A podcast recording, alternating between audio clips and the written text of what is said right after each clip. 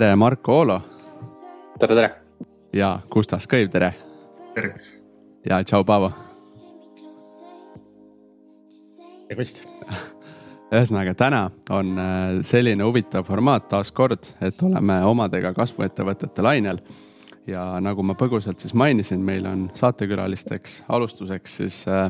äh Gustav Kõiv, kes on äh, asutaja ja tegevjuht ettevõttel Parking kes siis praegu täna, äh,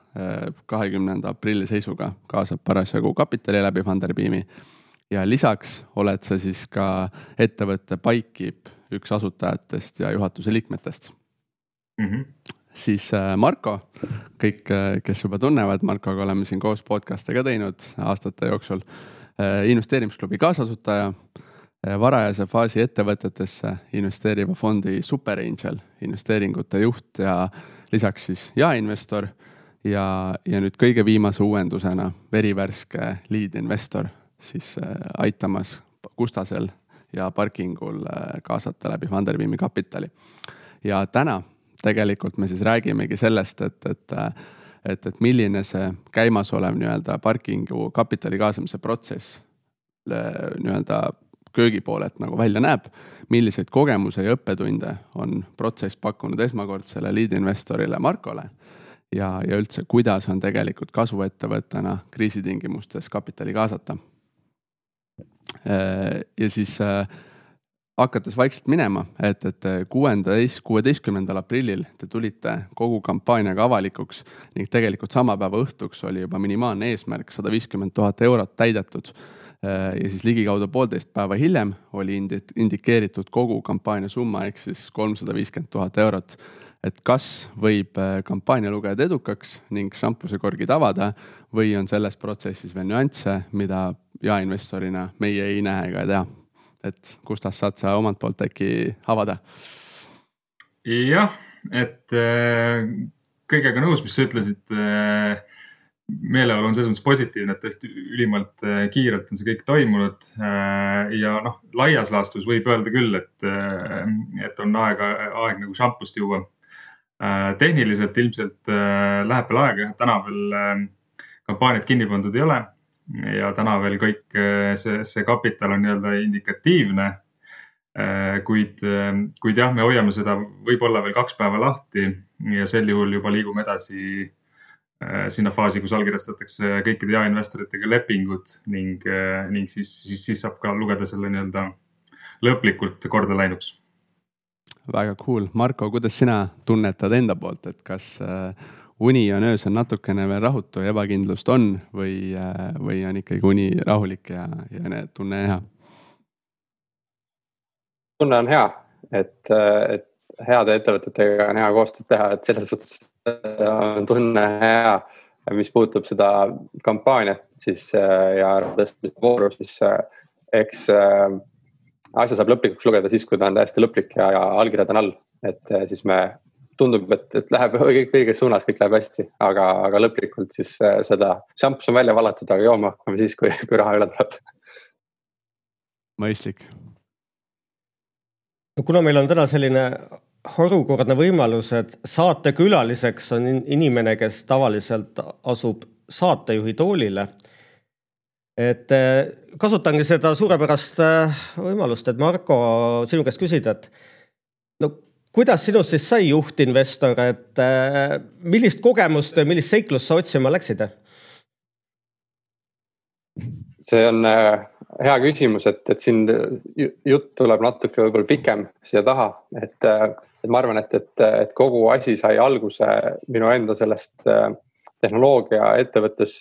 töötamise teekonnast, et ma ligi neli aastat töötasin Transferwise'is, kus sai nagu köögi poolelt näha kõike seda, kuidas üks tehnoloogiaettevõte peaks äh, toimima, kuidas mina nägin siis seda, kuidas sajast inimesest jõudis sinna tuhande kahesaja inimese suuruseks. et, et kogu neid asju ma sealt õppisin ja, ja siis pärast äh, teadupoolest ma läksin äh, ise äh, sellistesse transfer'i sugustesse ettevõtetesse investeerima ehk et Superengine'i läbi olen üle kahe aasta, varsti kaks pool aastat investeerinud varajase faasi tehnoloogia ettevõtetesse. nii et, nii et see, et ma nüüd ise olen nüüd juhtimas ühte vooru, rahastusvooru, on, on selle kuue aasta tehnoloogia vallas töötamise kogemusena ja, ja selle nii-öelda kulminatsioonina juhtunud. aga kui panna siia juurde investeerimist, sellist filosoofiat, et miks ma noh, et lead investor roll ei ole mitte seda, ainult seda kampaaniat vedada, vaid ise ka investeerida ja, ja aidata ettevõtet kaasa, siis minu suurem personaalne investeerimise siis filosoofia natuke sellest äh, Jason Galakanise raamatust Ingel. et, et, et kuskil kuni viis protsenti oma netoväärtusest võiks äh, investeerida varajase faasi ettevõtetesse. Äh, võiks teha kuskil nelja aasta jooksul, kui sisenemisperiood on kuskil kakskümmend kuni nelikümmend investeeringut tehnoloogiaettevõtetesse ja, ja, ja sellepärast ma nagu tükkhaaval olen ise Funderbeamis investeerinud ja, ja Fund, Funderbeami väliselt ka investeerinud ning äh, nüüd siis äh, kui on võimalus äh, parkingusse investeerida, siis see läheb täpselt minu selle teisiga kokku. Nii et sellepärast ma olen, olen parkingusse ka investeerimas ja kuna mulle ettevõte nii väga meeldib, siis miks mitte ka aidata teistel seda usaldust võita. uurime vahepeal Gustase käest, et kuidas parkingu poole pealt või ettevõtte poole pealt see välja näeb, et milliste omaduste järgi te seda juhtinvestorit või liidinvestorit valite? jah, et taustaks siis nii palju, et liidinvestori roll ettevõtte jaoks esmajoones on siis või noh, ütleme, koosneb nagu kahest poolest, et üks pool on see, et, et lead investor peaks justkui ära valideerima selle ettevõtte olemuse ja, ja väärtuse selle väike jaeinvestori jaoks, ehk siis tema äh, oma nii-öelda indikatsiooniga, oma selle miinimum ticket'iga või, või, või mis iganes ta teeb, annab mõista, et jah, see ettevõte on nii palju väärt ja siis oma professionaalse taustaga ta, ta nii-öelda siis äh, annab ka selle nii-öelda julguse ja turvalisuse nendele jaeinvestoritele, et, et, et keegi pädev on äh, vaadanud nii-öelda kapoti alla. ja, ja ütleme, teine pool siis nagu ka Marko mainis äh,, on see, et lead investor võtab vastutust ka selle ettevõtte tuleviku ja, ja, ja käekäigu eest. Või õigemini tema, tema nii-öelda isiklikuks hingeasjaks muutub see, et sellel ettevõttel läheks hästi, sellepärast et äh, noh, ta panustab sinna esiteks rahaliselt ja teiseks ta ka siis äh, tänu sellele kokkuleppele on, on, on nagu huvitatud äh, ka hiljem võib-olla rahastusega aitama äh,, kui selleks vajadus tekib. nii et see on nagu kahe, kahepoolselt oluline ja, ja noh, Marko on nagu äh, mõlemas pooles nagu ütleme A pluss mängija, nii et, nii et meie tiimi poolt vaadatuna nagu me oleme ülimalt äh, rahul, et see, et selline valik sai tehtud. Kas see nimekiri oli pikk nendest äh, juhtinvestoritest, kelle vahel te valisite, et või te tuli tikutulega taga otsida või mis olukord Eestis praegu on? olukord on pigem keeruline. meie konkreetne story oli selline, et äh, meil tegelikult oli ühe teise lead investoriga kokkulepe tehtud, see kokkulepe oli tehtud eelmise aasta lõpus ja oli tehtud siis nii-öelda õhustikus, kus tulevik tundus ülimalt positiivne. ja, ja siis tuli äh, see pandeemia peale, mis mõnes mõttes siis äh, äh, muutis meievahelist dünaamikat, ütleme nii Eh, ilma detailidesse laskumata, aga ühesõnaga, mis me pidime tegema koos, oli see, et me pidime üle vaatama tingimused. Eh, tingimused siis selle poole pealt, et kuidas me selle kampaaniaga ja kas üldse edasi lähme. Ja, ja teisalt, teistpidi siis pidime vaatama üle tingimused ettevõtte ja lead investori vahel. ja meil tekkisid e-, erinägemused selles osas, et kuidas nüüd koroonat arvesse võtta, seda kampaaniat teha ja, ja siis see sundis nii-öelda meid äh, üsna nii-öelda viimasel hetkel äh, uuesti äh, ringi vaatama, et kas on, kas on võib-olla veel keegi, kes oleks siis nõus seda kampaaniat tegema sellistel tingimustel, nagu meile tundus okei okay, parkingu poolt vaadatuna. ja kuidas me Markoni jõudsime, e, ei olnud nimekirja tegelikult või noh, selles mõttes nimekiri oli minu peas umbes kolm-neli nime ja selle nimekirja ma panin kokku ühe oma angel investoriga, Marek Kiisaga ja tema teab Markot ka ja, ja siis noh, ühesõnaga ma andsin talle, andsin talle nii-öelda telefoni teel märku, mis olukord meil on. ta helistas mulle tunni aja pärast tagasi, ütles, kuule, Gustav, ma tean, ma tean ühte ülihead tüüpi, kes teile sobiks, et eh, tee temaga kõne ja äkki suudad ära rääkida. ja siis äh, läksin metsajooksu tegema ja siis umbes poole jooksu pealt võtsime kõne Markoga ja, ja, ja sealt, sealt nagu ma arvan, see otsus jah, selles mõttes oli hästi taktitundeline, Marko tahtis selle peal magada ühe öö ja rahulikult mõelda, aga noh, üpris kiiresti saime kokkuleppele ja see juhtus reaalselt. Oli vist äkki umbes nädal aega, nädala jooksul enne kampaania avalikuks tulemist, tule, tulemist millist kompetentsi ettevõte oma juhtinvestorilt ootab, et kas ta peab olema müügi või turundusinimene või hoopis õigusvaldkonda jagama hästi või numbreid tundma hästi või olema lihtsalt entusiastlik või mida te ootate? jah äh,, mitte, mitte ühtegi neist spetsiifiliselt, et ainult see on tähtis, pigem äh, nüüd just viimaste sündmuste valguses minu jaoks on tähtis, et juhtinvestor oleks äh, või üldse ütleme siis laiemalt ingelinvestor oleks nagu hinge ja, ja kogu oma olemusega selle asja juures ja pühendunud, et äh, ongi, ta võib olla nagu ükskõik millise taustaga, et ilmselt tuleb kasuks, et on, on startup'ide ja, ja selle noh, valdkonnaga kokku puutunud. Aga, aga noh, enamus asju tuleb jooksvalt siin nagu otsustada ja välja mõelda, et äh, et, et kõige tähtsam ongi see, et kogu aeg oled olemas ja, ja, ja oled valmis panustama, Marko, kui kaua sa selles protsessis oled nüüd sees olnud? Ehm, nagu Gustav siin mainis, siis äh, kuskil äh, natuke üle nädala enne avalikuks tulemist, äh, siis me tegime selle kõne, siis kui Gustav jooksis siis mina helistasin talle. Et, et suhteliselt äh, värskelt. kuidas see kogemus siiani on, et umbes nii nagu sa jah-sõna öeldes arvasid või tegelikult hoopis teistsugune ja mille poolest? et see otsus, otsus jah, et seda sai tehtud äh, suhteliselt kiiresti, aga, aga ma olen nagu parkingu tegemistega kursis olnud äh, kuskil äh, paar aastat, niikaua kui ma siin Superangelis olen, üle paari aasta, kui ma Superangelis olen aktiivne olnud, et siis meil on, me vaatame nagu Superangelis enda portfelli, kuhu me investeerinud oleme, vaatame kõigi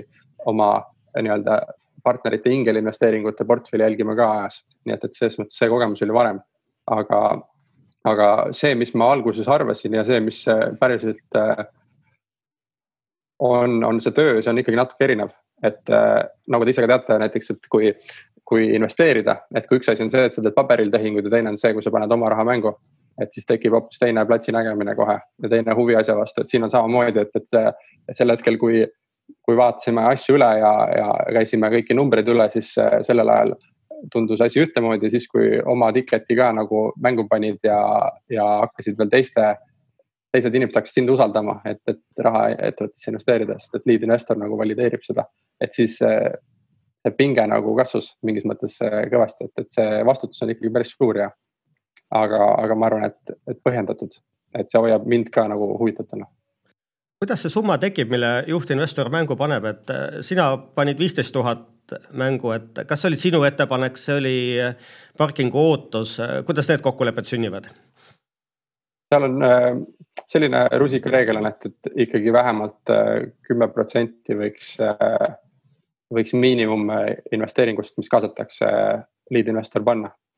et, et saab sellest muidugi rohkem ka panna, aga, aga siis peab lead investor ise hindama ka enda, enda seda rahakoti suurust. ja ma saan aru, et äh, vähemalt mõni aeg on see raha sul lukus, et sa ei saa kohe esimesel müügipäeval seda oma osalust realiseerima minna. ja et ma ei teagi, kui levinud see informatsioon on, aga, aga, aga kokkuvõttes, kui ma investeerin äh, siis ettevõttesse lead investorina, siis see raha on äh, aasta aega lukus ehk et aasta aega peale treidimise avalikustamist ei, ei saa järeltehinguid seal Funderbeami äh, platvormil teha ning pärast aastat äh, seitsekümmend viis protsenti muutub siis äh, nii-öelda kaubeldavaks ja kakskümmend viis protsenti jääb lukku kuni exit'ini. kuidas see pool välja näeb juhtinvestori poolelt vaadatuna, et sa ütlesid nüüd jaa-sõna, sa tead selle ettevõtte ärimudelit ja siis sõlmisite mingi lepingu ja kõik tehti sulle avalikuks, et käisid siis kõik põhilised numbrid läbi nagu finantsaudiitor ja, ja olulisemad lepingud läbi nagu jurist. mida sa tegema hakkasid? et äh, ma arvan, et, et kaks due diligence'i oli, oli vaja nagu teha, üks on siis äh, business due diligence ehk et sa saaksid ärist aru. Ja, ja vaatasime kõik äri, äri,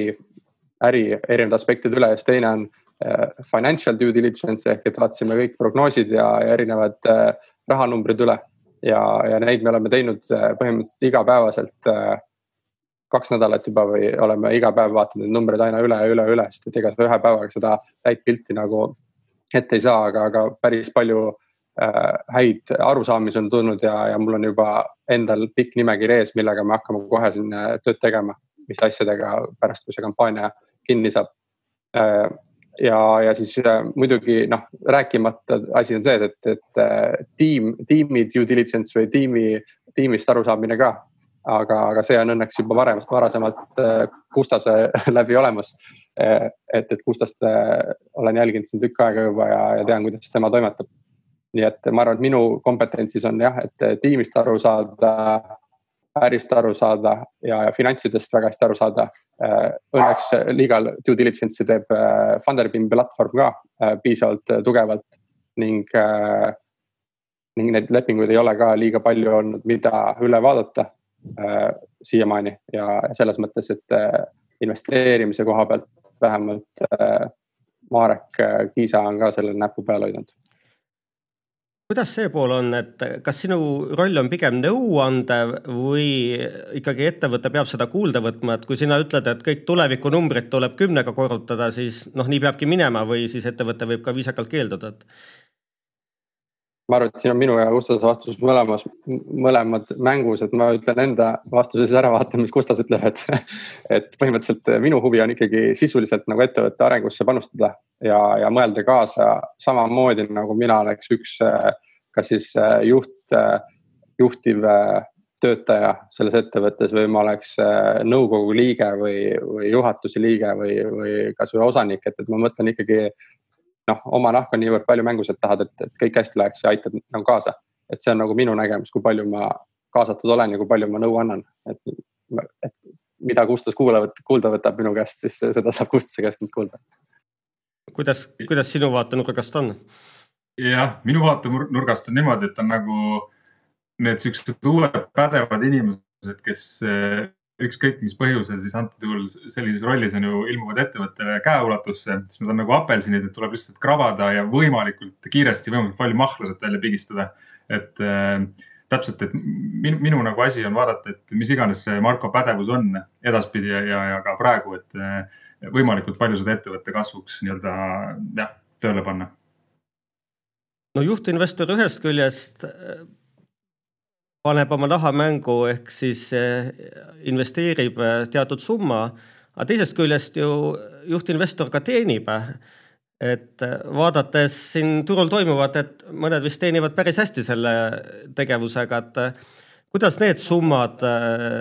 tekivad, mis juhtinvestorile makstakse? Äh, jah, et äh, need on tegelikult üpris standardsed, et äh, on olen-, on olnud nii-öelda siin viimase aasta jooksul mingisuguseid nii-öelda äärejuhtumeid, kus võib-olla ei tundu need kokkulepped, ma ei tea, kas liiga läbipaistvad või liiga arusaadavad, aga, aga me, meie poolt on nagu pigem siuksed standardsed, et, et vaatame ühelt poolt, et lead investor olekski nagu pikaajaliselt motiveeritud parim äh, asi nii-öelda pikaajaliseks motivatsiooniks on mingisugune optsioonipakett ehk siis teisisõnu mingisugune väike osalus ettevõttes. ja, ja noh, siis äh, rahalise poole pealt äh, ongi nagu pigem see, et, et sarnaselt teistele investoritele siis juhtinvestor saab, saab oma to tootlust oma nii-öelda investeeringult, on ju. kas see makstakse välja rahas või, või ta saab selle võrra osalust vähendada või kuidas see käib?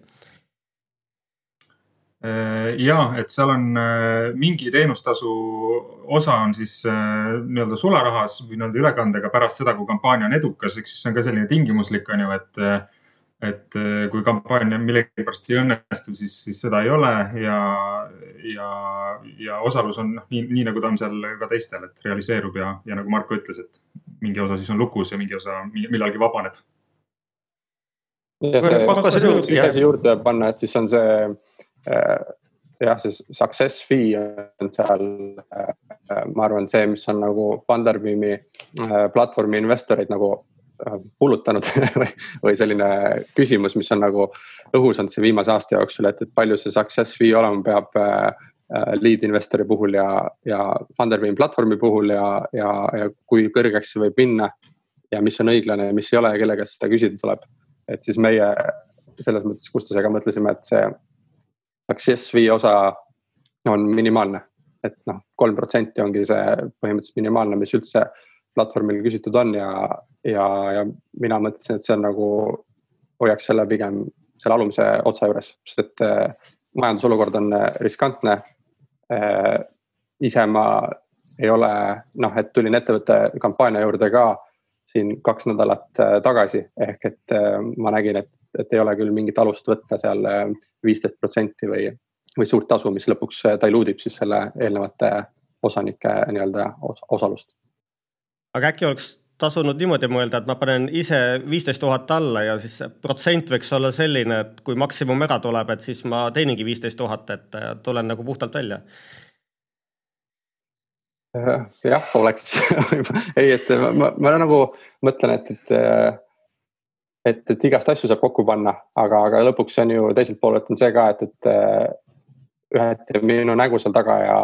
ja, ja kõik see meie tegevus ja äritegevus ja investori tegevus on pikaajaline. et, et nagu ei saa täna nii-öelda, et kui Gustav saab minust selle apelsinist mahla välja pigistada, siis mul ei ole küll head tunnet, kui ma kõigist teistest investoritest selle mahla välja pigistaksin ja, ja midagi alles jääks. ma mängin ikkagi pikaajalist mängu ja ma arvan, et, et, et õiglane on nagu õiglast tasu küsida ja seda hindab lõpuks siis see kampaania märk ja kuidas sulle, Marko, tundub, et sina kui sel maastikul kaua olnud, et kas need raha kaasamise kampaaniad äh, on need pigem äh, nagu turunduskampaaniad või, või ikkagi inimesed usuvadki reaalselt sellesse äriideesse ja seetõttu investeerivad? Ehm, jah, mõlemat et, et selles mõttes, kui mina ütlesin, et minu see investeerimise enda strateegia on see, et ma investeerin kuskile neljakümnesse ettevõttesse järgmise nelja aasta jooksul äh, mingi ticket'i, siis ma ikkagi noh, teades ka, et mis ma superanilisest kogemust on saanud, on see, et, et äh, kui ma investeerin umbes kahekümnesse kuni neljakümnesse ettevõttesse, siis äh, selleks ma pean läbi vaatama kuskil tuhat, kaks tuhat ettevõtet, et seda valikut teha. nii et äh, minu jaoks nagu ma valin ikkagi selle järgi, et ma näen nii paljusid ettevõtteid, kui nad mu eest läbi käivad ja ma teen valiku ainult nendesse üksikutesse kahekümnesse kuni neljakümnesse ettevõttesse. nii et selles mõttes minu jaoks on see ikkagi otsus on on selles mõttes äriliselt langetatud, et mulle parking väga meeldib ja, ja seal, sellesse ma tahaksin investeerida, nii et see on üks nendest kahekümnest kuni neljakümnest, kellesse ma investeerin. Äh, nii et äh, see pool on nagu ikkagi suurema strateegiaga kooskõlas, mitte lihtsalt, et äh, turunduslik kampaania, et, et nüüd ma, uus diil on üleval ja nüüd pane raha sisse. et, et minu jaoks on see ikkagi läbimõeldud, aga, aga Funderbeami kampaania ülesehitamine ise on piisavalt palju turunduslik ka, et see on võib-olla üks õppetund, mis mina nagu lead investorina sain, et äh, Superangelis äh, investeerides on hoopis teine, äh, teine siis positsioon mul võrreldes sellega, kui ma lead investorina olen Funderbeamis üleval, sest et Funderbeamis ikkagi mina ei investeeri kogu raha üksinda, vaid ma pean siis valideerima ettevõtet, et tuleks sinna veel investorid juurde. Aga saan aru, et sinu enda põhimõte on see, et sa usud sellesse ideesse ja sa emotsiooniga kaasa ei lähe, et keegi ütleb, et saab ükssarvikuks ja sul tekib äh, fear of missing out ja kindlasti paned raha hakkama, et kui sa ei usu, siis sa ei usu ja kui usud, siis usud, jah? jah, mina küll nagu startup idesse või ei investeeri nagu FOMO põhimõttega ise, et, et äh, ma olen siin väga mitu viimast kampaaniat, mis on Funderbeamis olnud, jätnud investeerimata ka, kuigi nemad on just kõige rohkem olnud sellised, et et nüüd kolme tunniga on kampaania täis ja kui sa sisse ei jõua, siis ongi rong läinud, et. et äh, esiteks, kui ei ole piisavalt palju aega, et tutvuda ettevõttega, siis ei saa investeerida sinna. ja, ja teiseks, äh, kui sina ise sellest ärist aru ei saa ja, ja näed, et ei oska, ei oska aru saada, kuidas see võib kasvada tulevikus, siis ei ole mõtet ka investeerida. Kustas, tuleme nüüd selle praeguse kaasamisringi juurde, et äh, miks just Funderbeam ja just läbi selliste platvormide, et? Ja, Parking on ju kaasanud äh, kaks ingelinvesteeringu raundi varem, Rain Lõhmuselt, Marek Kiisat ja ühelt meie Läti koostööpartnerilt kokku kolmsada üheksakümmend tuhat, et äh, see kogemus sealtpoolt on täiesti erinev võrreldes sellega, mis me praegu teeme. ja mul on nagu hea kohe nagu näiteid tuua, et selle kampaania jooksul, mis on olnud nüüd praegu kolm päeva laivis, on äh, kirjutanud, äh, noh, kokku on investoreid olnud üle kolmesaja, on kirjutanud mulle üks inimene, et temal on konkreetselt sõbral pesulakett meie sihtturul, milles on, ma ei mäleta, seal kümme pluss pesulat, et äh, teeb kohe intro.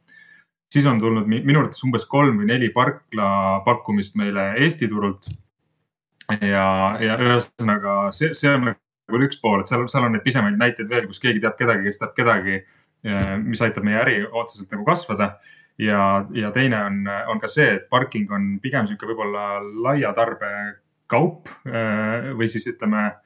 selline toetav teenus, mida kasutavad tegelikult paljud. ütleme, meil on Eestis juba üksi on nagu äh, noh, me mõõdame kümnetes tuhandetes, kui palju kordi nagu inimesed pargivad või pesevad oma autot meie äpi kaudu, mis tähendab, et ta on selline pigem tuntud ja, ja see tähendab, et äh, et igasugune selline nähtavus ja, ja selle kliendigrupi seast osanike saamine toidab hästi vahetult selle äri nii-öelda kasvu ja arengut äh, meie konkreetses nagu, konkreetsel turul, noh, milleks on Eesti nagu ütleme praegu. Äh, nende, nende peamiste kampaaniapanustajate mõistes just. nii et see on nagu noh, juba tänaseks ennast ma ütleks ära õigustanud, et kui ma oleks võtnud äh,. jah, kui ma oleks võtnud äh, võib-olla mõne, mõne Angeli äh,. muidugi üks asi, mis mul nüüd kohe nüüd praegu pähe tuleb, on see, et et, et angel investorid või ütleme sellised, kes, sellised startup'id, kes jahivad nagu VC funding ut, et nendele võib-olla Funderbeam nii hästi ei sobi, aga parking on minu arvates kuskil, kuskil sellise tavalise ettevõtte ja venture capital fundable ettevõtte vahepeal. ehk siis, kui venture capitalistid tahavad saada, ma ei tea, sada X-i tootlust paari aasta jooksul ja, ja kui sa teed kümme X-i, siis noh, sa oled nagu, sa pole edukas olnud, on ju siis noh, parkingu, parkingu puhul ongi, ongi see, et me ilmselt nii kiiresti ei kasva, on ju, et meie jaoks kümme X-i on nagu talutav kasvukiirus aastas, on ju. saame hakkama nagu ja, ja, ja noh, siis ongi see, et, et Funderbeam nagu selle poole pealt ka meile pigem sobib. ehk siis, kui seda põgusalt kokku võtta, siis tegelikult Funderbeam on just pakkunud teile seda nii-öelda kliendibaasi justkui või seda noh inimeste baasi siis, kelleni te tegelikult jõuate läbi selle, et te teete seda avalikult. Äh, väga paljud inimesed saavad teisse panustada ja siis noh, ongi nii-öelda olete potentsiaalselt saanud äh, parklapakkumisi, pesupakkumisi ja nii edasi, et, et sihuke nagu kliendibaas justkui kliendibaasi efekt. jah, jah. millised on üldse, ütleme noh, mis on selle nagu äh, äh, jaeinvestorite kaasamise nagu siuksed miinused sinu poolt, äh, sinu vaatetest või kas neid üldse esineb? no üks, üks nagu mõte, mis mul oli enne, kui me seda Funderbeami kaaluma hakkasime äh,, oligi see, et, et noh, inimesi on erinevaid, on ju, et mõni noh, mõni ongi, tahabki kakssada viiskümmend eurot investeerida ja tal on vaja nagu iga, iga nädal saada nagu mingit noh, ülevaadet või davai kutid nagu, mis, mis te nüüd teinud olete kasulikku, mis te eelmine nädal tegite, et ma tean seda, sest äh, nagu mainisite siin enne, et Bikekeepiga olen seotud, et nemad tegid selle Funderbeami ja noh, seal nagu selliseid leidub, et minu teada oli isegi üks intsident, kui, kuidas äh, noh, üks investor, kes oligi selle mingisuguse madalama otsa ticket'i teinud, lihtsalt jalutas kontorisse sisse, ütles, ma tahan nagu näha nagu, kuidas mu raha siin kasvab, et äh,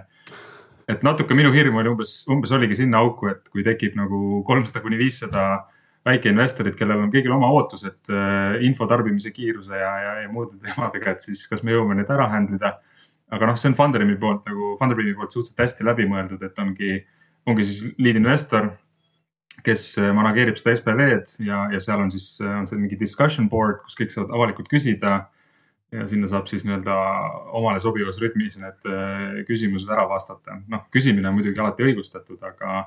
aga et peaasi, et see võib-olla nagu ettevõtte fookust äh, kuskile nagu äh, liiga kaugele ei viiks mm. -hmm. kui palju nendest indikatsioonidest üldse tavaliselt äh, osaluse ja reaalse raha ülekandmiseni siis jõuab, et noh, teatavasti ma võin ka noh, potentsiaalselt Funderbeamis panna, et ma investeerin summa X, aga noh, see on indikatiivne ja ma reaalsuses ei pea seda tegema, et kas see on ka mingisugune risk teie jaoks, et palju, palju te sellest rahast, raha siis reaalselt kätte saate? See on nagu manageeritav risk, et see, see churn rate või nagu seal nende mitte, mitte, mitte nii-öelda selle raha kandmise osakaal alati on, aga see on pigem olnud väike, minul teadaolevalt see on nagu sinna viie ja kümne protsendi vahele võib-olla kui sedagi, et äh, pigem isegi vist on rohkem, rohkem niimoodi, et nad ei ole nagu väga võib-olla ise, ise seda, ütlen siis Funderbeam on ju, nad ei ole ise väga seda nii-öelda push inud, et, et, et see indikatsioon ainult indikatiivne on. et ma ise arvan kõhutunde pealt, et enamus inimesed, kes ikkagi selle indikatsiooni ära panevad, nad, nad arvavad, et see ongi commitment või nad või vähemalt enda sees tunnevad, et noh, see on nagu minu poolt ikkagi otsus vastu võetud mm -hmm.. okei okay., see, see on vahva, et nii-öelda seda riski nagu, nagu siis ei ole. aga kui liikuda kapitali kaasamise protsessi juurde just siis, et milline see näeb välja täpselt tänastes tingimustes, nagu sa põgusalt ka mainisid saate alguses, et, et meil on pandeemia siin parasjagu täie hooga käimas. siis äh, millised olid äh, just need vajalikud tegevused, et üldse saaksite,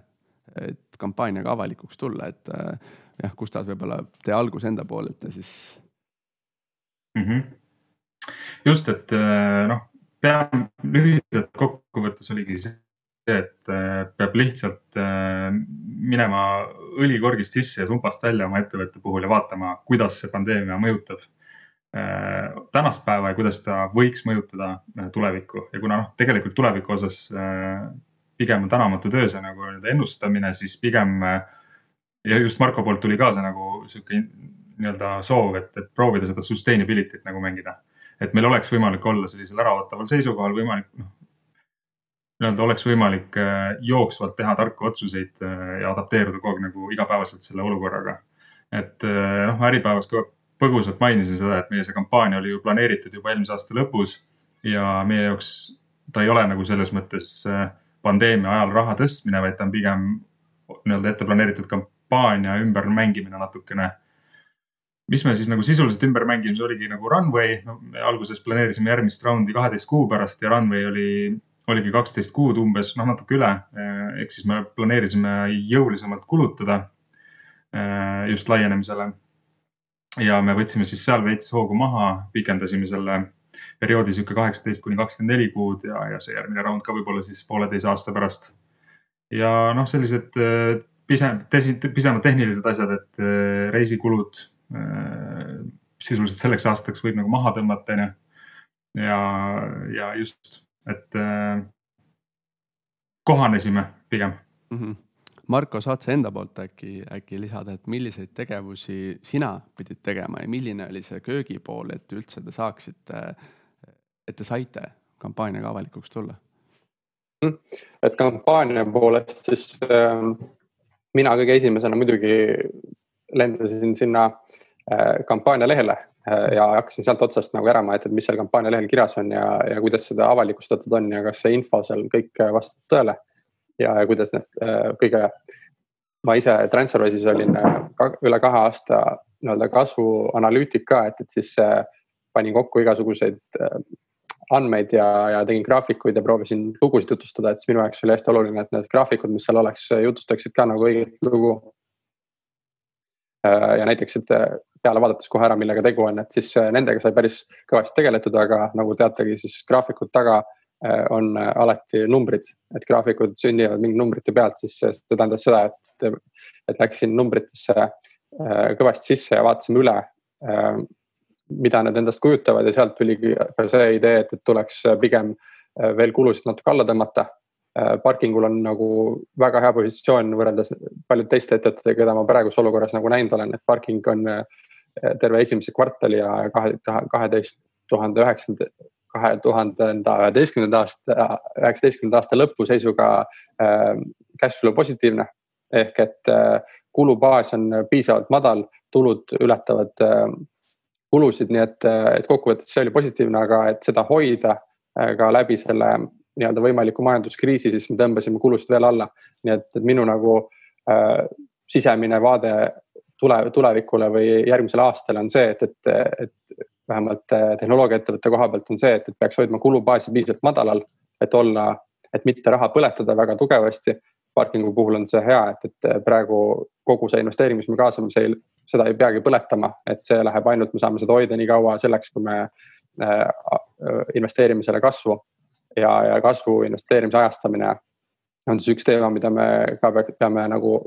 aina rohkem läbi mõtlema, oleme natuke mõelnud, aga ma arvan, et see on see töö, mis seisab ees. et mis hetkel võtta inimesi juurde, mis hetkel äh, võib-olla piirid avanevad, kus saab hakata äh, välisriikidesse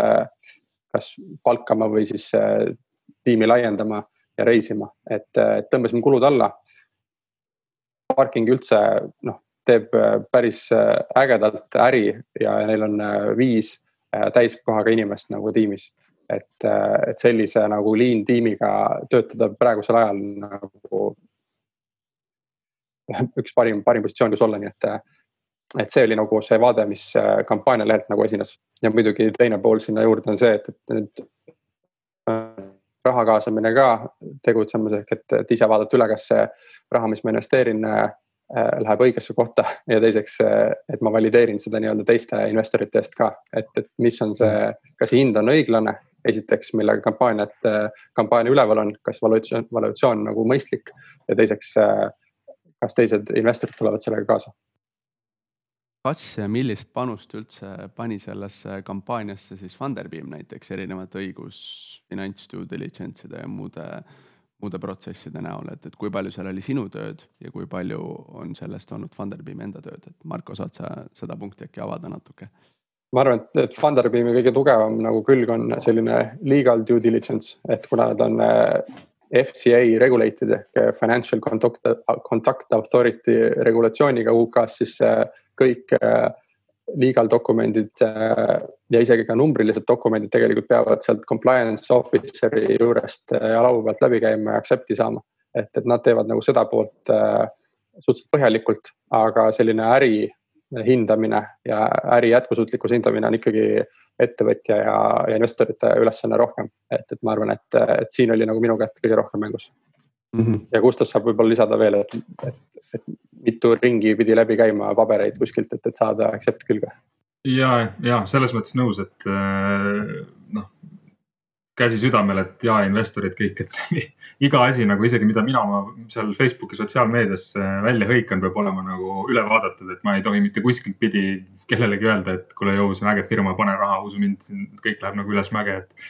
et äh, nad täiesti aastasetini kõik lihtsalt vaatasid nii põhjalikult üle ja nad küsisid nagu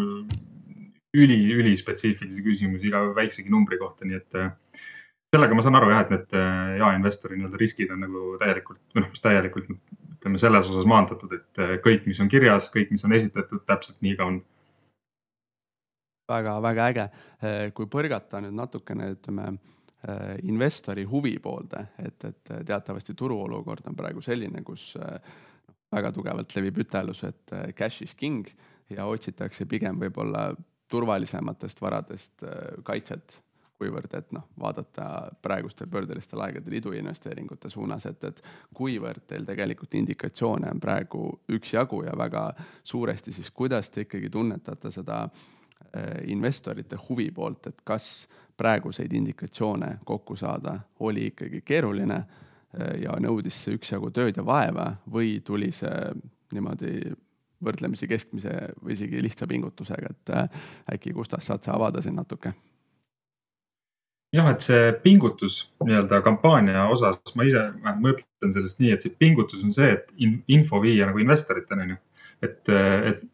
neid veenma, noh, täpselt sama, et see Funderbeami case, et ma, ma ei, ma, me ei, me ei tohigi veenda neid nagu, et ainus asi, mida me saame teha, on pingutada, et võimalikult paljud investorid saaksid endale selle nii-öelda valiku laua peale ja siis ise see otsus teha ja noh, ma arvan, et see oli küll, mis nõudis meie poolt vaeva, et, et, et ongi, et see äh, saada meedias on ju igal pool äh, see info laiali. aga investorite, ütleme, nõusoleku saamine, seal kindlasti Marko võib kommenteerida, sest tema on nagu ka päris palju ikkagi seda tutvustanud, et mis see feedback sealt oli. aga minule vähemalt jäänud mulje, et, äh, et noh, eestlastel ikkagi nagu raha hetkel on lihtsalt on, ollakse nagu ettevaatlikumad selle paigutamisega ja, ja kui järelikult siis see nii-öelda investeerimisvõimalus noh, kasvõi selle eelpool toodud info põhjal, et meil, meil sihuke augulappimisteema ei ole üldse, üldse variant on, et me lihtsalt vaatame, kuidas kasvada ja kui kiiresti. ja võib-olla meie ajalugu ka, et siis võib-olla tunduski selline üpris konservatiivne investeering isegi, miks mitte, et me oleme küll startup. aga noh, meil, meil, meil ei ole nagu slide deck, mille pealt me üritame raha tõsta, et mingit äh, lennukat ideed ära valideerida, vaid me pigem nagu vaatame juba, millise nurga alt kõige kiiremat kasvu teha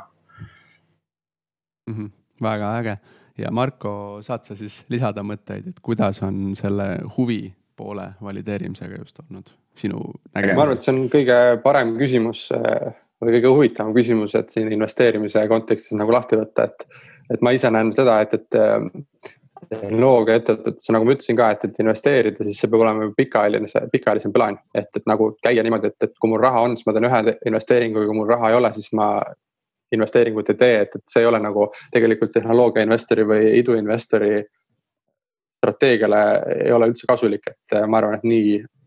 on väga raske millegile mõistlikule üldse pihta saada ja, ja selle pealt nagu tootlust teenida. et, et ma ise olen noh, et kui sa võtad ka seda arvesse, et sa investeerid kuskil viis kuni kümme protsenti oma netoväärtusest või portfelli väärtusest äh, äh, startup idesse. siis jällegi see ei ole koht, kus, kus sa teed otsuseid selle pealt, et äh, kas mul praegu on rohkem raha või vähem raha, vaid sa oled nagu ära allokeerinud või, või mõtteliselt allokeerinud selle portfelli osa, millest sa investeerid. ja, ja siis sa pead valima häid ettevõtteid ja pead saama selle hajutatuse kätte vähemalt kahekümne kuni neljakümne näol et minu jaoks, äh, kui ma selle otsuse nagu tegin paar aastat tagasi, et ma hakkan nüüd ka ise neid tükke nagu võtma erinevaid, et täna mul on kuskil seal kümme ettevõtet äh, portfellis, et siis, äh, siis kui ma täna vaatan, et, et majandusel läheb kehvemini, ma täna ei investeeri. kahe aasta pärast vaatan, oh, mul on raha jälle rohkem, et siis ma investeerin, siis ma arvan, et ma jään kõige parematest stiilidest jään üldse välja. et tegelikult häid investeeringuid tehakse enamasti just keerulisemal, keerulistematel aegadel parkingu näide on ka sellepärast nagu hea, et tegelikult äh, me ei tõsta nagu haipi pealt äh, seda raha. ja, ja kõik äh, numbrid on kaks korda rohkem üle vaadatud, kui oleks jaanuarikuus vaadatud. ehk et täna see investeering nagu Kostas ütles, on natukene konservatiivse iseloomuga, kui vaadata viimast kolme-nelja kampaaniat, mis on üle, üles läinud Funderbeamis ja kui panna need kõik kõrvuti, mida ma ka tegin, võtsin Exceli tabeli ette, panin kõik viimased kampaaniad kõrvuti ja hindasin nende hindasid ja, ja kaasatud raha hulka. siis äh, ma nägin, et Funderbeam või see parking on kõige parema äh, suhetega, kõige paremate äh, finantsarvude suhetega seal äh, nendest kampaaniatest, nii et, et täna nagu mitte investeerida jääks nagu sellistest äh, diilidest mingis mõttes ilma, et see on nagu minu enda loogika. et, et ma mm -hmm seda viite kuni kümmet protsenti portfellist investeerin nagu jätkuvalt äh, täna, homme, ülehomme, kahe aasta pärast, viie aasta pärast, et. Äh, et see võiks olla see pikem loogika siin taga mm. -hmm. väga-väga head põhimõtted just selle nurga alt, mis mul, mulle väga meeldib see, et, et, et tegelikult sõltumata turuolukorrast me leiame häid pärleid ja, ja ei pea, eks ole, tõmbama nii-öelda totaalselt äh, kinni ära ennast sõltumata sellest, mis meil turuolukord praegu teeb aga Gustavs, võib-olla viimane äh, teemapõrgatus, enne kui ma Paavole jälle sõna üle annan. et, et kuidas kogu see praegune pandeemia äh, periood on mõjutanud ka selle väärtuspakkumise sisu, millega te välja tulite, et sealhulgas siis ettevõtte valuation, igasugused kampaania tingimused, et, et kas ja võib-olla kui palju pidite nagu seal järgi andma või, või lõdvendama, et saad sa mõned mõtted ka sellega seoses jagada no lühike vastus oleks sulle, et me ei, tingimusi ei muutnud ja sellel oli ka konkreetne põhjus, et, ähm, et sõltumata sellest olukorrast äh, me näeme, et see tehnoloogiline võimekus sellel platvormil, mida me opereerime ja arendame, on niivõrd, äh, noh, niivõrd valideeritud. Äh, et see IoT lahendus, et see platvorm ei ole väärtust kaotanud mitte ühtegi pidi seoses selle pandeemiaga ja, ja pigem nagu meie rõhk läks sellele, et, et kas ja kuidas äh, selle platvormi edasist arengut või siis seda nii-öelda ettevõtte kasvuplaane adapteerida selle pandeemiaga, nii et, äh, et äh, mitte ükski diil pole meil ära kukkunud veel selle seoses selle pandeemiaga. Marko põgusalt mainis, et meil siin Äh, selle aasta alguses on pigem, äh, ütleme isegi märts versus veebruar on äh, teatud noh, ütleme pool, pool meie ärist ehk siis pesula pool on nagu ainult kasvu näidanud. et lihtsalt jah, aus vastus on, et meil käis küll see küsimus läbi, et kas meid peaks kuidagi valutatsiooni allapoole laskma. ei leidnud ühtegi head põhjendust, miks seda teha, et kuidas see, kuidas see täna nagu aitaks või põhjendatud oleks. Mm. et see oli üks asi, mis ma ka nagu alguses sisse minnes nagu panin kohe, tõmbasin nagu eraldi Excelisse ja hakkasin vaatama neid asju, et, et mis hinnad turul on ja kuidas need mõjutatud on ja kuidas äri nagu neid hindasid mõjutab, et siis äh,. ja ma võrdlesin natuke peas ka enda teiste diilidega, mis no, on Funderbeami väliselt äh, käinud, mida ma näen nagu igapäevaselt. et äh,, et vaadates äri kontekstis äh, pigem parking tundub, et võidab sellest sellisest tervisekriisi suunast ehk et kontaktivaba äri eriti kui siin lockdown nüüd läbi saab, siis inimesed pigem sõidavad oma autodega tööle tagasi. pargivad selle võrra rohkem, et nad sõidavad vähem ühistranspordiga ja, ja pesulate poole pealt autosid pestakse ikkagi ja pigem pestakse siis odava, odavamates äh, pesulates, mis on selvepesulad ja automaatjaamad, kui, kui siis äh, käsitsi mingites luksuspesulates, et, et, et sealt see noh, äri pigem võtab tuult alla või, või taastab oma numbreid, ma arvan. aga, aga jah, et, et kui panna kõrvale see teised diilid, mis on ka nagu tehnoloogia valdkonnas ja ja eriti investorile kättesaadavad nagu nendes platvormides, siis ideaalne äh, parkingu diil, kas äh, minu jaoks vähemalt minu hinnangul, see ei saa soovitus olla, on ju, aga kas mudadav või siis väga odav nagu. Äh, või mõne hea case'i puhul, kuhu ma ise olen ka investeerinud, mõne puhul on ta nagu võrdeline või, või natuke soodsam, nii et äh, ei ole nagu põhjust äh, neid tingimusi nagu üle vaadata. hästi.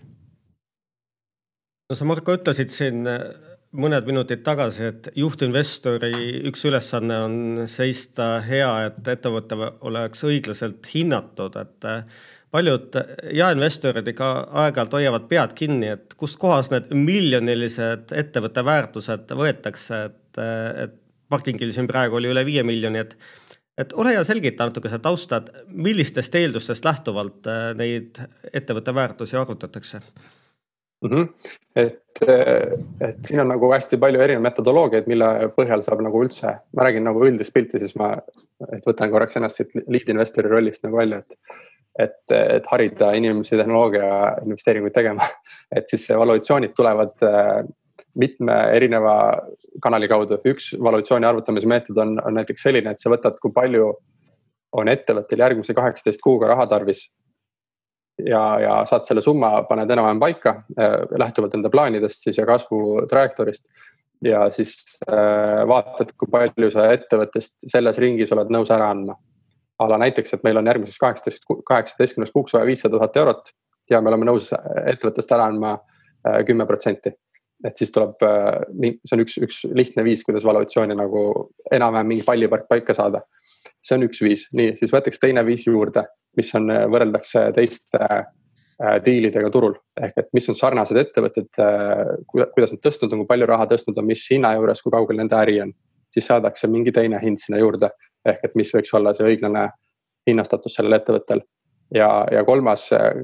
mis kõige juurde tuleb, on see, et, et kui sa sellesama hinna mõtte käid turul välja, et kui palju on sellel tagasisidet. et kas investorid peavad liiga kalliks, kas nad peavad seda liiga, odavaks ja sellise turumajandusliku põhimõtte alusel sünnib siis selline äh, õiglane hinnastatus. et arvestades neid kõiki mitut erinevat äh, siis äh, nii-öelda metodo-, metodoloogiat kuidas seda valuatsiooni saavutada ja, ja ma pean siin ära ka seda ütlema, et, et valuatsioon, et, et selline Funderbeami investori vaatest kõik vaatavad, et, et mis see ettevõtte väärt on. ja võrdlevad seda nagu mingis mõttes börsiettevõtte väärtusega aga börsiettevõtted hinnastatakse enamasti nagu õiglase väärtuse põhjal, siis äh, kasvuettevõtted hinnastatakse tuleviku väärtuse põhjal ehk et äh, valuatsioon, millega raha tõstakse, tõstetakse, peegeldab seda hinda, kuhu ettevõte kasvab sisse äh, seda raha kasutades, mis ta just kaasas. ehk et näiteks parkingu põhimõttel kaasatakse siis näiteks kolmsada viiskümmend tuhat eurot ja, ja see viis koma kolm miljonit äh, pre-money valuatsioon tähendab seda, et, et, et sinna, sellesse õiglasse väärtusse loodame me kasvada selle raha kaasamisega. ja muidugi siis, kui järgmine raha kaasamise voor tuleb, siis äh, hinnastatakse jälle järgmist tulevikuväärtust ja, ja siis loodetakse sinna nagu sisse kasvada. ehk tuleb aru saada, et ei osta mitte tänast ettevõtte olemasolevat väärtust, vaid, vaid seda, kus see ettevõte võib kasvada, sest tegemist on kasvuettevõtetega, et muidu see nimi oleks hoopis midagi muud see tähendab siis seda, et enne, enne kui hakata järgmist raha kaasama, peab olema eelmine väärtus saavutatud? Äh, potentsiaalselt küll jah, et see oleks selline hea, hea põhimõte, kuidas seda asja vaadata, et, et, et muidu, muidu peaks tegema, kui ei ole nagu ettevõte sinnamaani jõudnud, siis äh, tuleb järgmine hinnastatus üle vaadata, millega investorid on nõus äh, investeerima olen siin täheldanud, et äh, osad, kes on näiteks Funderbeami või mõne muu platvormi kaudu raha kaasanud, et äh, teevad oma investoritele kingitusi, et inimesed käivad jäätist ostmas ja õlle järel ja saavad tasuta autot pesta, et äh, miks ettevõtted seda teevad, Marko? Ma arvan, et see on hea nagu just selline, selline B2C siis, et ettevõttelt kliendile äri nagu, et kus noh, lõpptarbija klient ongi ettevõte, kes maksab teenuse eest, ongi ettevõte nagu kõige väärtuslikum klient, siis nende ettevõtete puhul on väga äge nagu siduda seda nii-öelda osalust, mis nad saavad veel mingi ärilise tegevusega ka, näiteks, et noh, et Lamu jäätise puhul, kui, mis käis ka sealt läbi, et, et kui ma äh, investeerin sellesse ettevõttesse ja siis nad kutsuvad mind sinna Lamu kohvikusse veel jäätist sööma Äh, tasuta, siis äh, see jääb mulle meelde, järgmine kord, kui ma Telliskivisse lähen, siis ma võtan veel sõbrad kaasa, lähen jälle sinna Lamu kohvikusse, et see toob nagu äh, kliente mingis mõttes juurde, et ma arvan, et, et selline B2C või ärilt kliendile mudeli puhul on see äge, sest et esiteks osanikud saavad uuesti tarbida sinu teenust, saavad veenduda, kui hea see on ja teiseks saavad oma sõpradele ka siis tulevikus seda kogemust pakkuda. mis parkingul plaanis on? Jah, meil on äh, väga hea võimalus, äh, meil on selline nii-öelda toode, aga maksemeetod olemas nagu ettemaksukrediit. Äh, mis siis tähendab, et inimesed tegelikult saavad osta või noh, maksta näiteks sada eurot meile. sada eurot ilmub neile sinna äppi ja seda võib siis kasutada tähtajatult parkingu äpi kaudu teenuste eest tasumiseks noh, täna tehakse seda peamiselt sellepärast, et, et säästa igasugustelt sideoperaatori kuludelt, et noh pargid ühe euro eest, siis lisatakse sulle tegelikult sinna kolmkümmend kaks senti juurde, onju, kui sa parkingule teed ettemaksu, siis ei lisata midagi juurde. Äh, ja meie siis otsustasime täpselt sama, et äh, anname kõikidele investoritele parkingu krediiti, minge peske oma autosid, parkige ja just nimelt, et kui meeldib olete rahul, ähm, siis äh, miks mitte ka jagada sõpradega seda elamust. nii et see krediit sõltub osaluse suurusest või sellest vanusest? ja me teeme ta erinevate astmetega, et äh, no vähemalt viisteist eurot saavad kõik, aga siis vaatamegi veel selle osa üle, et, et kui palju siis saavad need, kes äh, on, on väga suuri summasid teinud mm. -hmm. et me ei saa nagu otsest ühest protsenti paika panna, et siis, äh, siis mina näiteks saaksin eluaeg tasuta klient oleksin vist, et oma investeeringu pealt juba, et siis me teeme mingid tasemed ilmselt sinna. jah, jah. Gustas, tuleme korra sinu tausta juurde veel, et ega parking ei ole ainuke ettevõte, millega sa tegeled, et aga võib-olla alustame sellest, et äh, millal ja kuidas sinu ettevõtlusteekond algas? algas kaks tuhat kaksteist. Ma tegelesin tol ajal äh, sellise spordialaga nagu MMA või vabavõitlus äh, ja siis tegime ühe ettevõtte sõbraga pooleks, mis tõi Eestisse siis selle, seda spordiala puudutavat varustust ja, ja spordirõivaid et see oli e-pood, tol ajal selle e-poe tegemine oli ka sihuke omaette ettevõtmine. Ja, ja sellest ärist ei, ei saanud midagi väga suurt, aga, aga selle äri käigus, ma ise olen tehnilise nii-öelda taustaga ja hariduselt, selle äri tegemise käigus ma sain aru, et, et mulle äri tegemine ja nende küsimuste ja probleemide lahendamine meeldib, aga mitte sellises valdkonnas, et mitte nagu kaupade edasimüük Eesti turule või kuskilt sisse toomine nii et äh, kaks tuhat kolmteist aastal siis ma müüsin selle ettevõtte ära. kõigepealt ma ostsin selle teise sõbra välja sealt ja siis ma müüsin selle ettevõtte ühele selle spordiala entusiastile ja, ja tegelinskile Eesti turul. nii et äh, see oli minu esimene lühike kogemus, ma väljusin sealt äh, pigem kahjumis, kui arvestada oma aega ja raha, mis ma sinna alla panin aga, aga nagu meeletult hea kogemusega, kasvõi näiteks see, et mitte teha sõbraga fifty-fifty ettevõtet. ja, ja siis sealt edasi kunagi oli selline ettevõtluskiirendi programm äh, Tallinna Tehnikaülikoolis nagu Summer of Startups ja sinna me läksime juba äh, neljakesi, kellest kolm on tänaseni veel seotud äh, samade firmadega. Läksime siis Bikekeepi leiutama välja ja jah, sealt edasi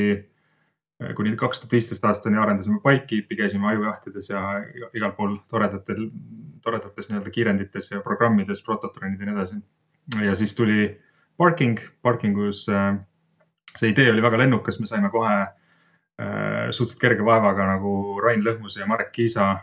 sinna nõusse nii-öelda investeerima ja siis seetõttu äh, tekkis parkingust selline veel tempokamalt kasvav, kasvav äh, spin-off. täna ma ei saa öelda, et ta kasvab kiiremini kui Bikekeep, Bikekeep kasvab ka meeletult äh, kiiresti, aga, aga jah, sihuke, sihuke lühike karjäär on mul olnud ettevõtjana. sa oled palgatööl ka kunagi olnud? jah, peale ülikooli kaks aastat olen noorinsenerina töötanud militaartehnoloogiat tootvas ettevõttes. aga mis sinu see kõige suurem õppetund ettevõtjana on olnud, et äh, vot nüüd pärast seda õppetundi ma olen palju korrastunum ja, ja tunnen ennast nagu rohkem ettevõtja nagu ennem? Äh, kõige rohkem väärtust on mulle loonud ilmselt selline õppetund, et, et koostööd peaks tegema inimestega, kellega sul on nagu hea klapp ja kes on sümpaatsed. ma arvasin kuni, pakun, et üle-eelmise aasta alguseni, et äh, äripartnerid ja investorid võivad olla ka ebameeldivad inimesed, aga see ei ole minu asi hinnata, sest ärile nad on võib-olla kasulikud. ja, ja see on nagu üks asi, et peale seda, kui mul see klõps ära käis, see, see idee tuli mulle ütleme, see mõte, et üldse see on okei okay,, kui sa ei tee teatud inimestega koostööd. see tuli mul äh, just oli Paul Graham, kunagi oli selle Y Combinatori asutaja, et tema nagu ühes videos äh, või, või oli üks essee, mis ta kirjutas sel teemal, et äh, sealt ma lugesin, siis mul oli sihuke ahaa, ma ei peagi nagu ja siis, äh, ja siis see on nagu just sihukest väärtust loonud, ma tunnen nagu kõige rohkem minu ettevõtetele. kuidas sa oma fookust jagad Bikekeepi ja parkingu vahele? üheksakümmend üheksa koma üheksa protsenti parking ja kaks korda nädalas helistame Kristjaniga ehk siis BikeKeepi tegevusega mm. -hmm. siis äh, kui teemaks on startup'id ja siis äh, noh, nähtavasti ei ole sulle võõras ka mõiste äh, nagu elevator pitch. et, et äh, me oleme küll põgusalt siin vihjeid loopinud, et millega parking tegeleb ja kõik need ettemaksukrediidid ja sõna parkimine äh, iseeneses, aga kui sa nüüd kolmekümne sekundi kuni ühe minuti jooksul, Gustas, siis sina mm -hmm. peaksid iseloomustama, et et mis on parking? no parking on täna nagu mobiilirakendus, millega saab autot pesta ja parkida oluliselt soodsamalt ja mugavamalt kui kõik muud alternatiivid. kuidas me seda teeme? me siis teeme nii, et me võtame ära kõikvõimalikud makseterminalid, piletid, äh, kioskid, äh, kõikvõimalik nii-öelda riistvara, mis asub nendes, äh, nendes nii-öelda punktides, mis maksab meeletult palju raha ja asendame selle digitaalsete lahendustega, nagu on äpp ja parimal juhul siis numbrituvastuskaamerad. viis pluss. Paavo, annan sõna tagasi kuidas siis äh, raha teenimine parkingu vaatenurgast käib, et äh, kui palju te vahendustasu võtate äh, suurusjärgus ja kuidas raha teieni jõuab? jah, et meie, meie võtame siis äh, üldiselt iga transaktsiooni pealt ehk siis iga tehingu pealt, mis parkinguga tehakse, võtame väikest teenustasu Äh, pean tunnistama, et seda mudelit äh, me oleme nii-öelda kõigutanud siia-sinna, et meil on erinevaid, erinevaid mudeleid olnud, mida me oleme aja jooksul testinud. Noh, näiteks kas me võtame protsendi sellest käibest või me võtame konkreetselt fikseeritud kümme senti või kakskümmend senti või viiskümmend senti tehingu pealt. ja, ja tänase päevani noh, me ei ole nagu lõpp, lõpuni seda paika pannud. võib-olla Markol on ka nii-öelda peale seda kampaaniat head input'i selle koha pealt, et kuidas seda ärimudelit veel loksutada aga noh, lõviosas on jah nii, et, et see, see osa, mis meie võtame, on marginaalne ja me pigem mängime mahu peale, et noh, näiteks parkinguga sa saad parkida kõikides Europarki parklates. siis selge on see, et Europark on ka ju veel tegelikult vahendaja, kes opereerib hoopis maaomaniku nii-öelda vara kasutades. Nii et nemad teenivad sealt mingisuguse väikse osa endale ja siis meie oleme see nii-öelda viimane layer, kes on operaatori ja selle lõpptarbija vahel ja meie saame sealt veel väiksema osa. aga noh, jällegi parkimisi on noh miljonites, nii et ka see pisike osakene sealt äh, saab kujuneda väga märkimisväärseks. kui lihtsalt see teie ärimudel kopeeritav on?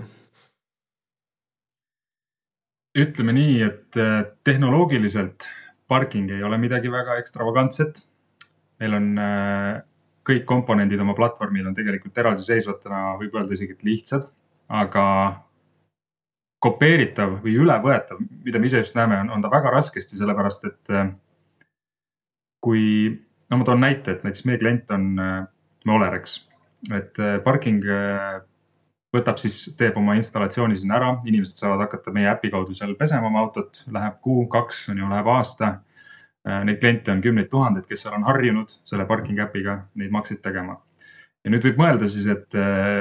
mis, mis on need challenge'id konkureerivale ettevõttele, isegi kui tal on, no ütleme, konkureeriv on ju parking või mingi pesu, pesuäpp on ju et isegi kui tal on ütleme viis protsenti soodsam teenustasu või, või, või kuidagi äpp töötab kiiremini ta peaks kõigepealt suutma selle Olerexil rääkida, et tuleb kõik need seadmed sealt välja rookida, mis me oleme installinud. Need controller'id, mis nii-öelda neid pesuleid juhivad ja selle investeeringu peab nii-öelda maha kirjutama. ja teiseks ta peab kõik need inimesed, kes on harjunud parkinguga seal täna nagu igapäevaselt pesema, ta peab need uue selle nii-öelda lahenduse peale üle, üle konverteerima. nii et äh, see on äärmiselt tülikas ja see on selline hea protection meil, et meie üritame lihtsalt oma teenuse ärimudeli hoida piisavalt õhukese, et keegi ei saaks tulla ja pakkuda näiteks poole soodsamalt seda äpi lahendust või sedasama platvormi ja, ja. Me ise tunneme nagu, et see on nagu kõige, kõige rohkem suur, suurem challenge nii-öelda konkurentidele kas see parkingu nimi äh, teid segab, ma ei hakka, et see tundub nagu parkimisteenusega seotuv, aga ei tuleks nagu selle pealegi, et sellega võib ka pesula sellest parkida vahepeal ja ei, see on, see on nagu hea küsimus, et äh, see on koht, millele mõelda kindlasti veel äh, tulevikus, et ma täna väga enesekindlalt ei ütleks, et, et see nimi jääb meile lõpuni. Et see sai valitud just nimelt ainult parkimisäri jaoks. ta on selline, selline hea nimi, mis tõstatab küsimusi, et miks, et kas me oleme düslektikud või, või. et see on selles mõttes hästi palju meid teenindanud turunduslikus mõistes. aga võib-olla tõesti juhtub, et peab kohandama mingit uut nime, mis sobib kõikidele autokesksetele teenustele. Kui ma vaatasin Funderbeamis teie finantsnäitajaid, siis te lähemad poolteist aastat olete oma rahadega nullis, et et selle põhjal nagu seda kolmesada viitekümmet tuhandet äh, vaja ei oleks olnud, et, et milleks te selle ikka kaasasite? no ikka on vaja, et selles mõttes me, me investeerime selle raha kasvu, on ju, ja siis meie ülesanne on tuua nagu eh, tulud sama kiiresti järgi ja seda me üritamegi nagu hoida. et, eh, et need tulud ja kulud on ju, et kõigepealt siis eh, noh, investeering, mis tähendab siis kulusid, on ju, ettevõtte jaoks. ja, ja, ja siis noh, mingisuguse viitega, eeldatavasti minimaalse viitega, siis tulevad rahad järgi nagu klientide poolt ma küsin nüüd ühe finantsinimese küsimuse ka, et äh, vaatasin teie aruandeid, et äh, kõik oma investeeringud tarkvarasse te kannate otse kulusse, et äh, miks te neid ei kapitaliseeri oma bilanssi? Ma ei tea, võib-olla peaks. Et selles mõttes noh, see on nagu fookus on läinud, ütleme nii, et eh, ettevõttest välja vaatamisega, vaatamise peale, et eh, ma olen nõus, et, et mingil hetkel peakski maha istuma, rahulikult keerama selja nii-öelda tuleviku poole ja vaatama, et millega sa siis hakkama oled saanud, on ju, ja. ma arvan, et, eh, et siin on just need mõtted, mis on tekkinud ka, et, et kuidas saab veel mida teha täpselt ja kust tweak ida, et siin Gustav rääkis sellest, et mis ärimudelit kasutada edaspidi, et siin on erinevad ärimudelid nagu Sparkla operaator olla või siis platvormi vahendaja või siis äh, seadmete noh, pilveplatvormi vahendaja on ju. aga, aga ja teine küsimus, finantside ja raamatupidamislik pool ka ja, ja näed, meil on siin kõnes äh, lausa vähemalt kaks äh, finantstaustaga inimest, nii et ma ilmselt teeme tulla nende küsimustega ja saame abi. saame kindlasti mõtteid vahetada. aga hüpates parkingi poole tagasi, siis äh, äh, milline on üldse sihuke, ütleme lähim viie aasta visioon, et kas ükssarviku plaanid äh, on nii-öelda lõppeesmärk, edukas exit või, või kuidas, Gustav, sa seda teemat avaksid mm.? Jah, jah, edukas exit või IPO, et kindlasti sinna tuleb välja võidelda ennast, aga, aga ütleme, viie aasta eesmärk on meil tegelikult sihuke land grabbing, et, et meil on siis üks kaupmees, ütleme, mõõdame nagu oma äri kasvu asukohtades, kus saab siis parking, parkinguga teenuse eest tasuda. ja meie viie aasta eesmärk on saadagi viis, viis tuhat asukohta nii-öelda kaardi peale, viis tuhat punkti, täna on neid nelisada viiskümmend. Kus siis jah, on võimalik see äpp välja võtta ja midagi käima panna oma autoga seonduvat või võib-olla, võib-olla piisab, et registreerid ennast oma autoregistrinumbriga ära ja, ja saad näiteks numbrituvastusega pesulat või parkimist alustada väga-väga lahe niimoodi konkreetselt mõõdetav kvantitatiivne key result, et äh, mulle, mulle, mulle meeldib see. Äh, ja siis äh, kuidas ütleme, saaksime, kas meie või tänane olemasolev investorkond siis selle saavutamisel abiks olla parkingule? Jah, ja täpselt, täpselt nii saabki, et kui keegi teab kedagi, kes teab kedagi, kellel on parkimiskoht, kellelgi on tutvusi kuskil välisriigis äh, kaudselt või otseselt pesulasektoris äh, jah, või ka parkimises, et siis äh, see on kõige suurem väärtus, mida saab tuua, sest me, me, me oleme näinud, et, et kuna me oleme nagu mõnes mõttes marketplace, kus peaks justkui ühelt poolt saama autojuhte, teiselt poolt saama neid kaupmehi, siis Äh, meie alguses meil suur küsimus oligi, et, et kellele me peaks fookust panema. et näiteks, kui me tulime kümne parklaga kaks tuhat viisteist aasta välja, siis meil polnud ühtegi autojuhti kümme tühja parklat oli. ja mäletan, et istusin ja vaatasin, et oo näed, näitasin co-founder'it, vaata neli inimest korraga pargib meil, et enam-vähem jääme šampustel selle peale, et siis äh, mingil hetkel juhtus see, et äh, need parklad läksid kõik inimesi täis ja ainuke nii-öelda kasvu driver oli see, et kui kiiresti sa suudad neid kaupmehi juurde panna. ja teinekord piisab lihtsalt sellest, et me paneme mingi sildi üles, et siin saab parkingu tasuda. see silt iga kuu konverteerib, on ju, mingi kümme uut kasutajat, kes proovivad. me oleme näinud, et mingi üheksakümmend protsenti nendest, kes ühe korra proovivad, enam mingisuguse sularaha ja muude teenuste juurde tagasi ei pöördu. nii et, et kõik need sildid nii-öelda vaikselt muudkui pööravad neid kasutajaid nii-öelda meie poole. ja, ja me kasvame nagu kaupmeestega, nii et kes iganes teab kedagi, kes tahaks äh, kaupmehena meie kliendiks tulla, siis see on suurim asi, mida saab teha, ma arvan täna. jätame selle meelde ja kui äh, teie täna räägitu inspireeris meie kuulajaid-vaatajaid ja nad sooviksid teiega kohtuda või siis ka investeerida või liituda parkingu tiimiga või mis iganes, et siis milliste äh, kanalite ja kontaktide kaudu saab teiega ühendust võtta? jah, minu email ja telefoninumber on avalikult parking.ee üleval, et äh, täitsa otse pöörduge julgelt. Marko, kuidas kirjutad info.investeerimisklubi.ee. minuga saab ühes äh, kanalis äh, Facebook, LinkedIn äh,, investeerimisklubi, nii et minu email on üleval internetis. hästi, Paavo, tahad sa lisada veel midagi? mina lisan seda, et suur-suur äh, aitäh teile selle vestluse eest, Marko Oolo ja Gustav Kõiv. selline oli investeerimisklubi kaks punkt null, kolmekümne teine saade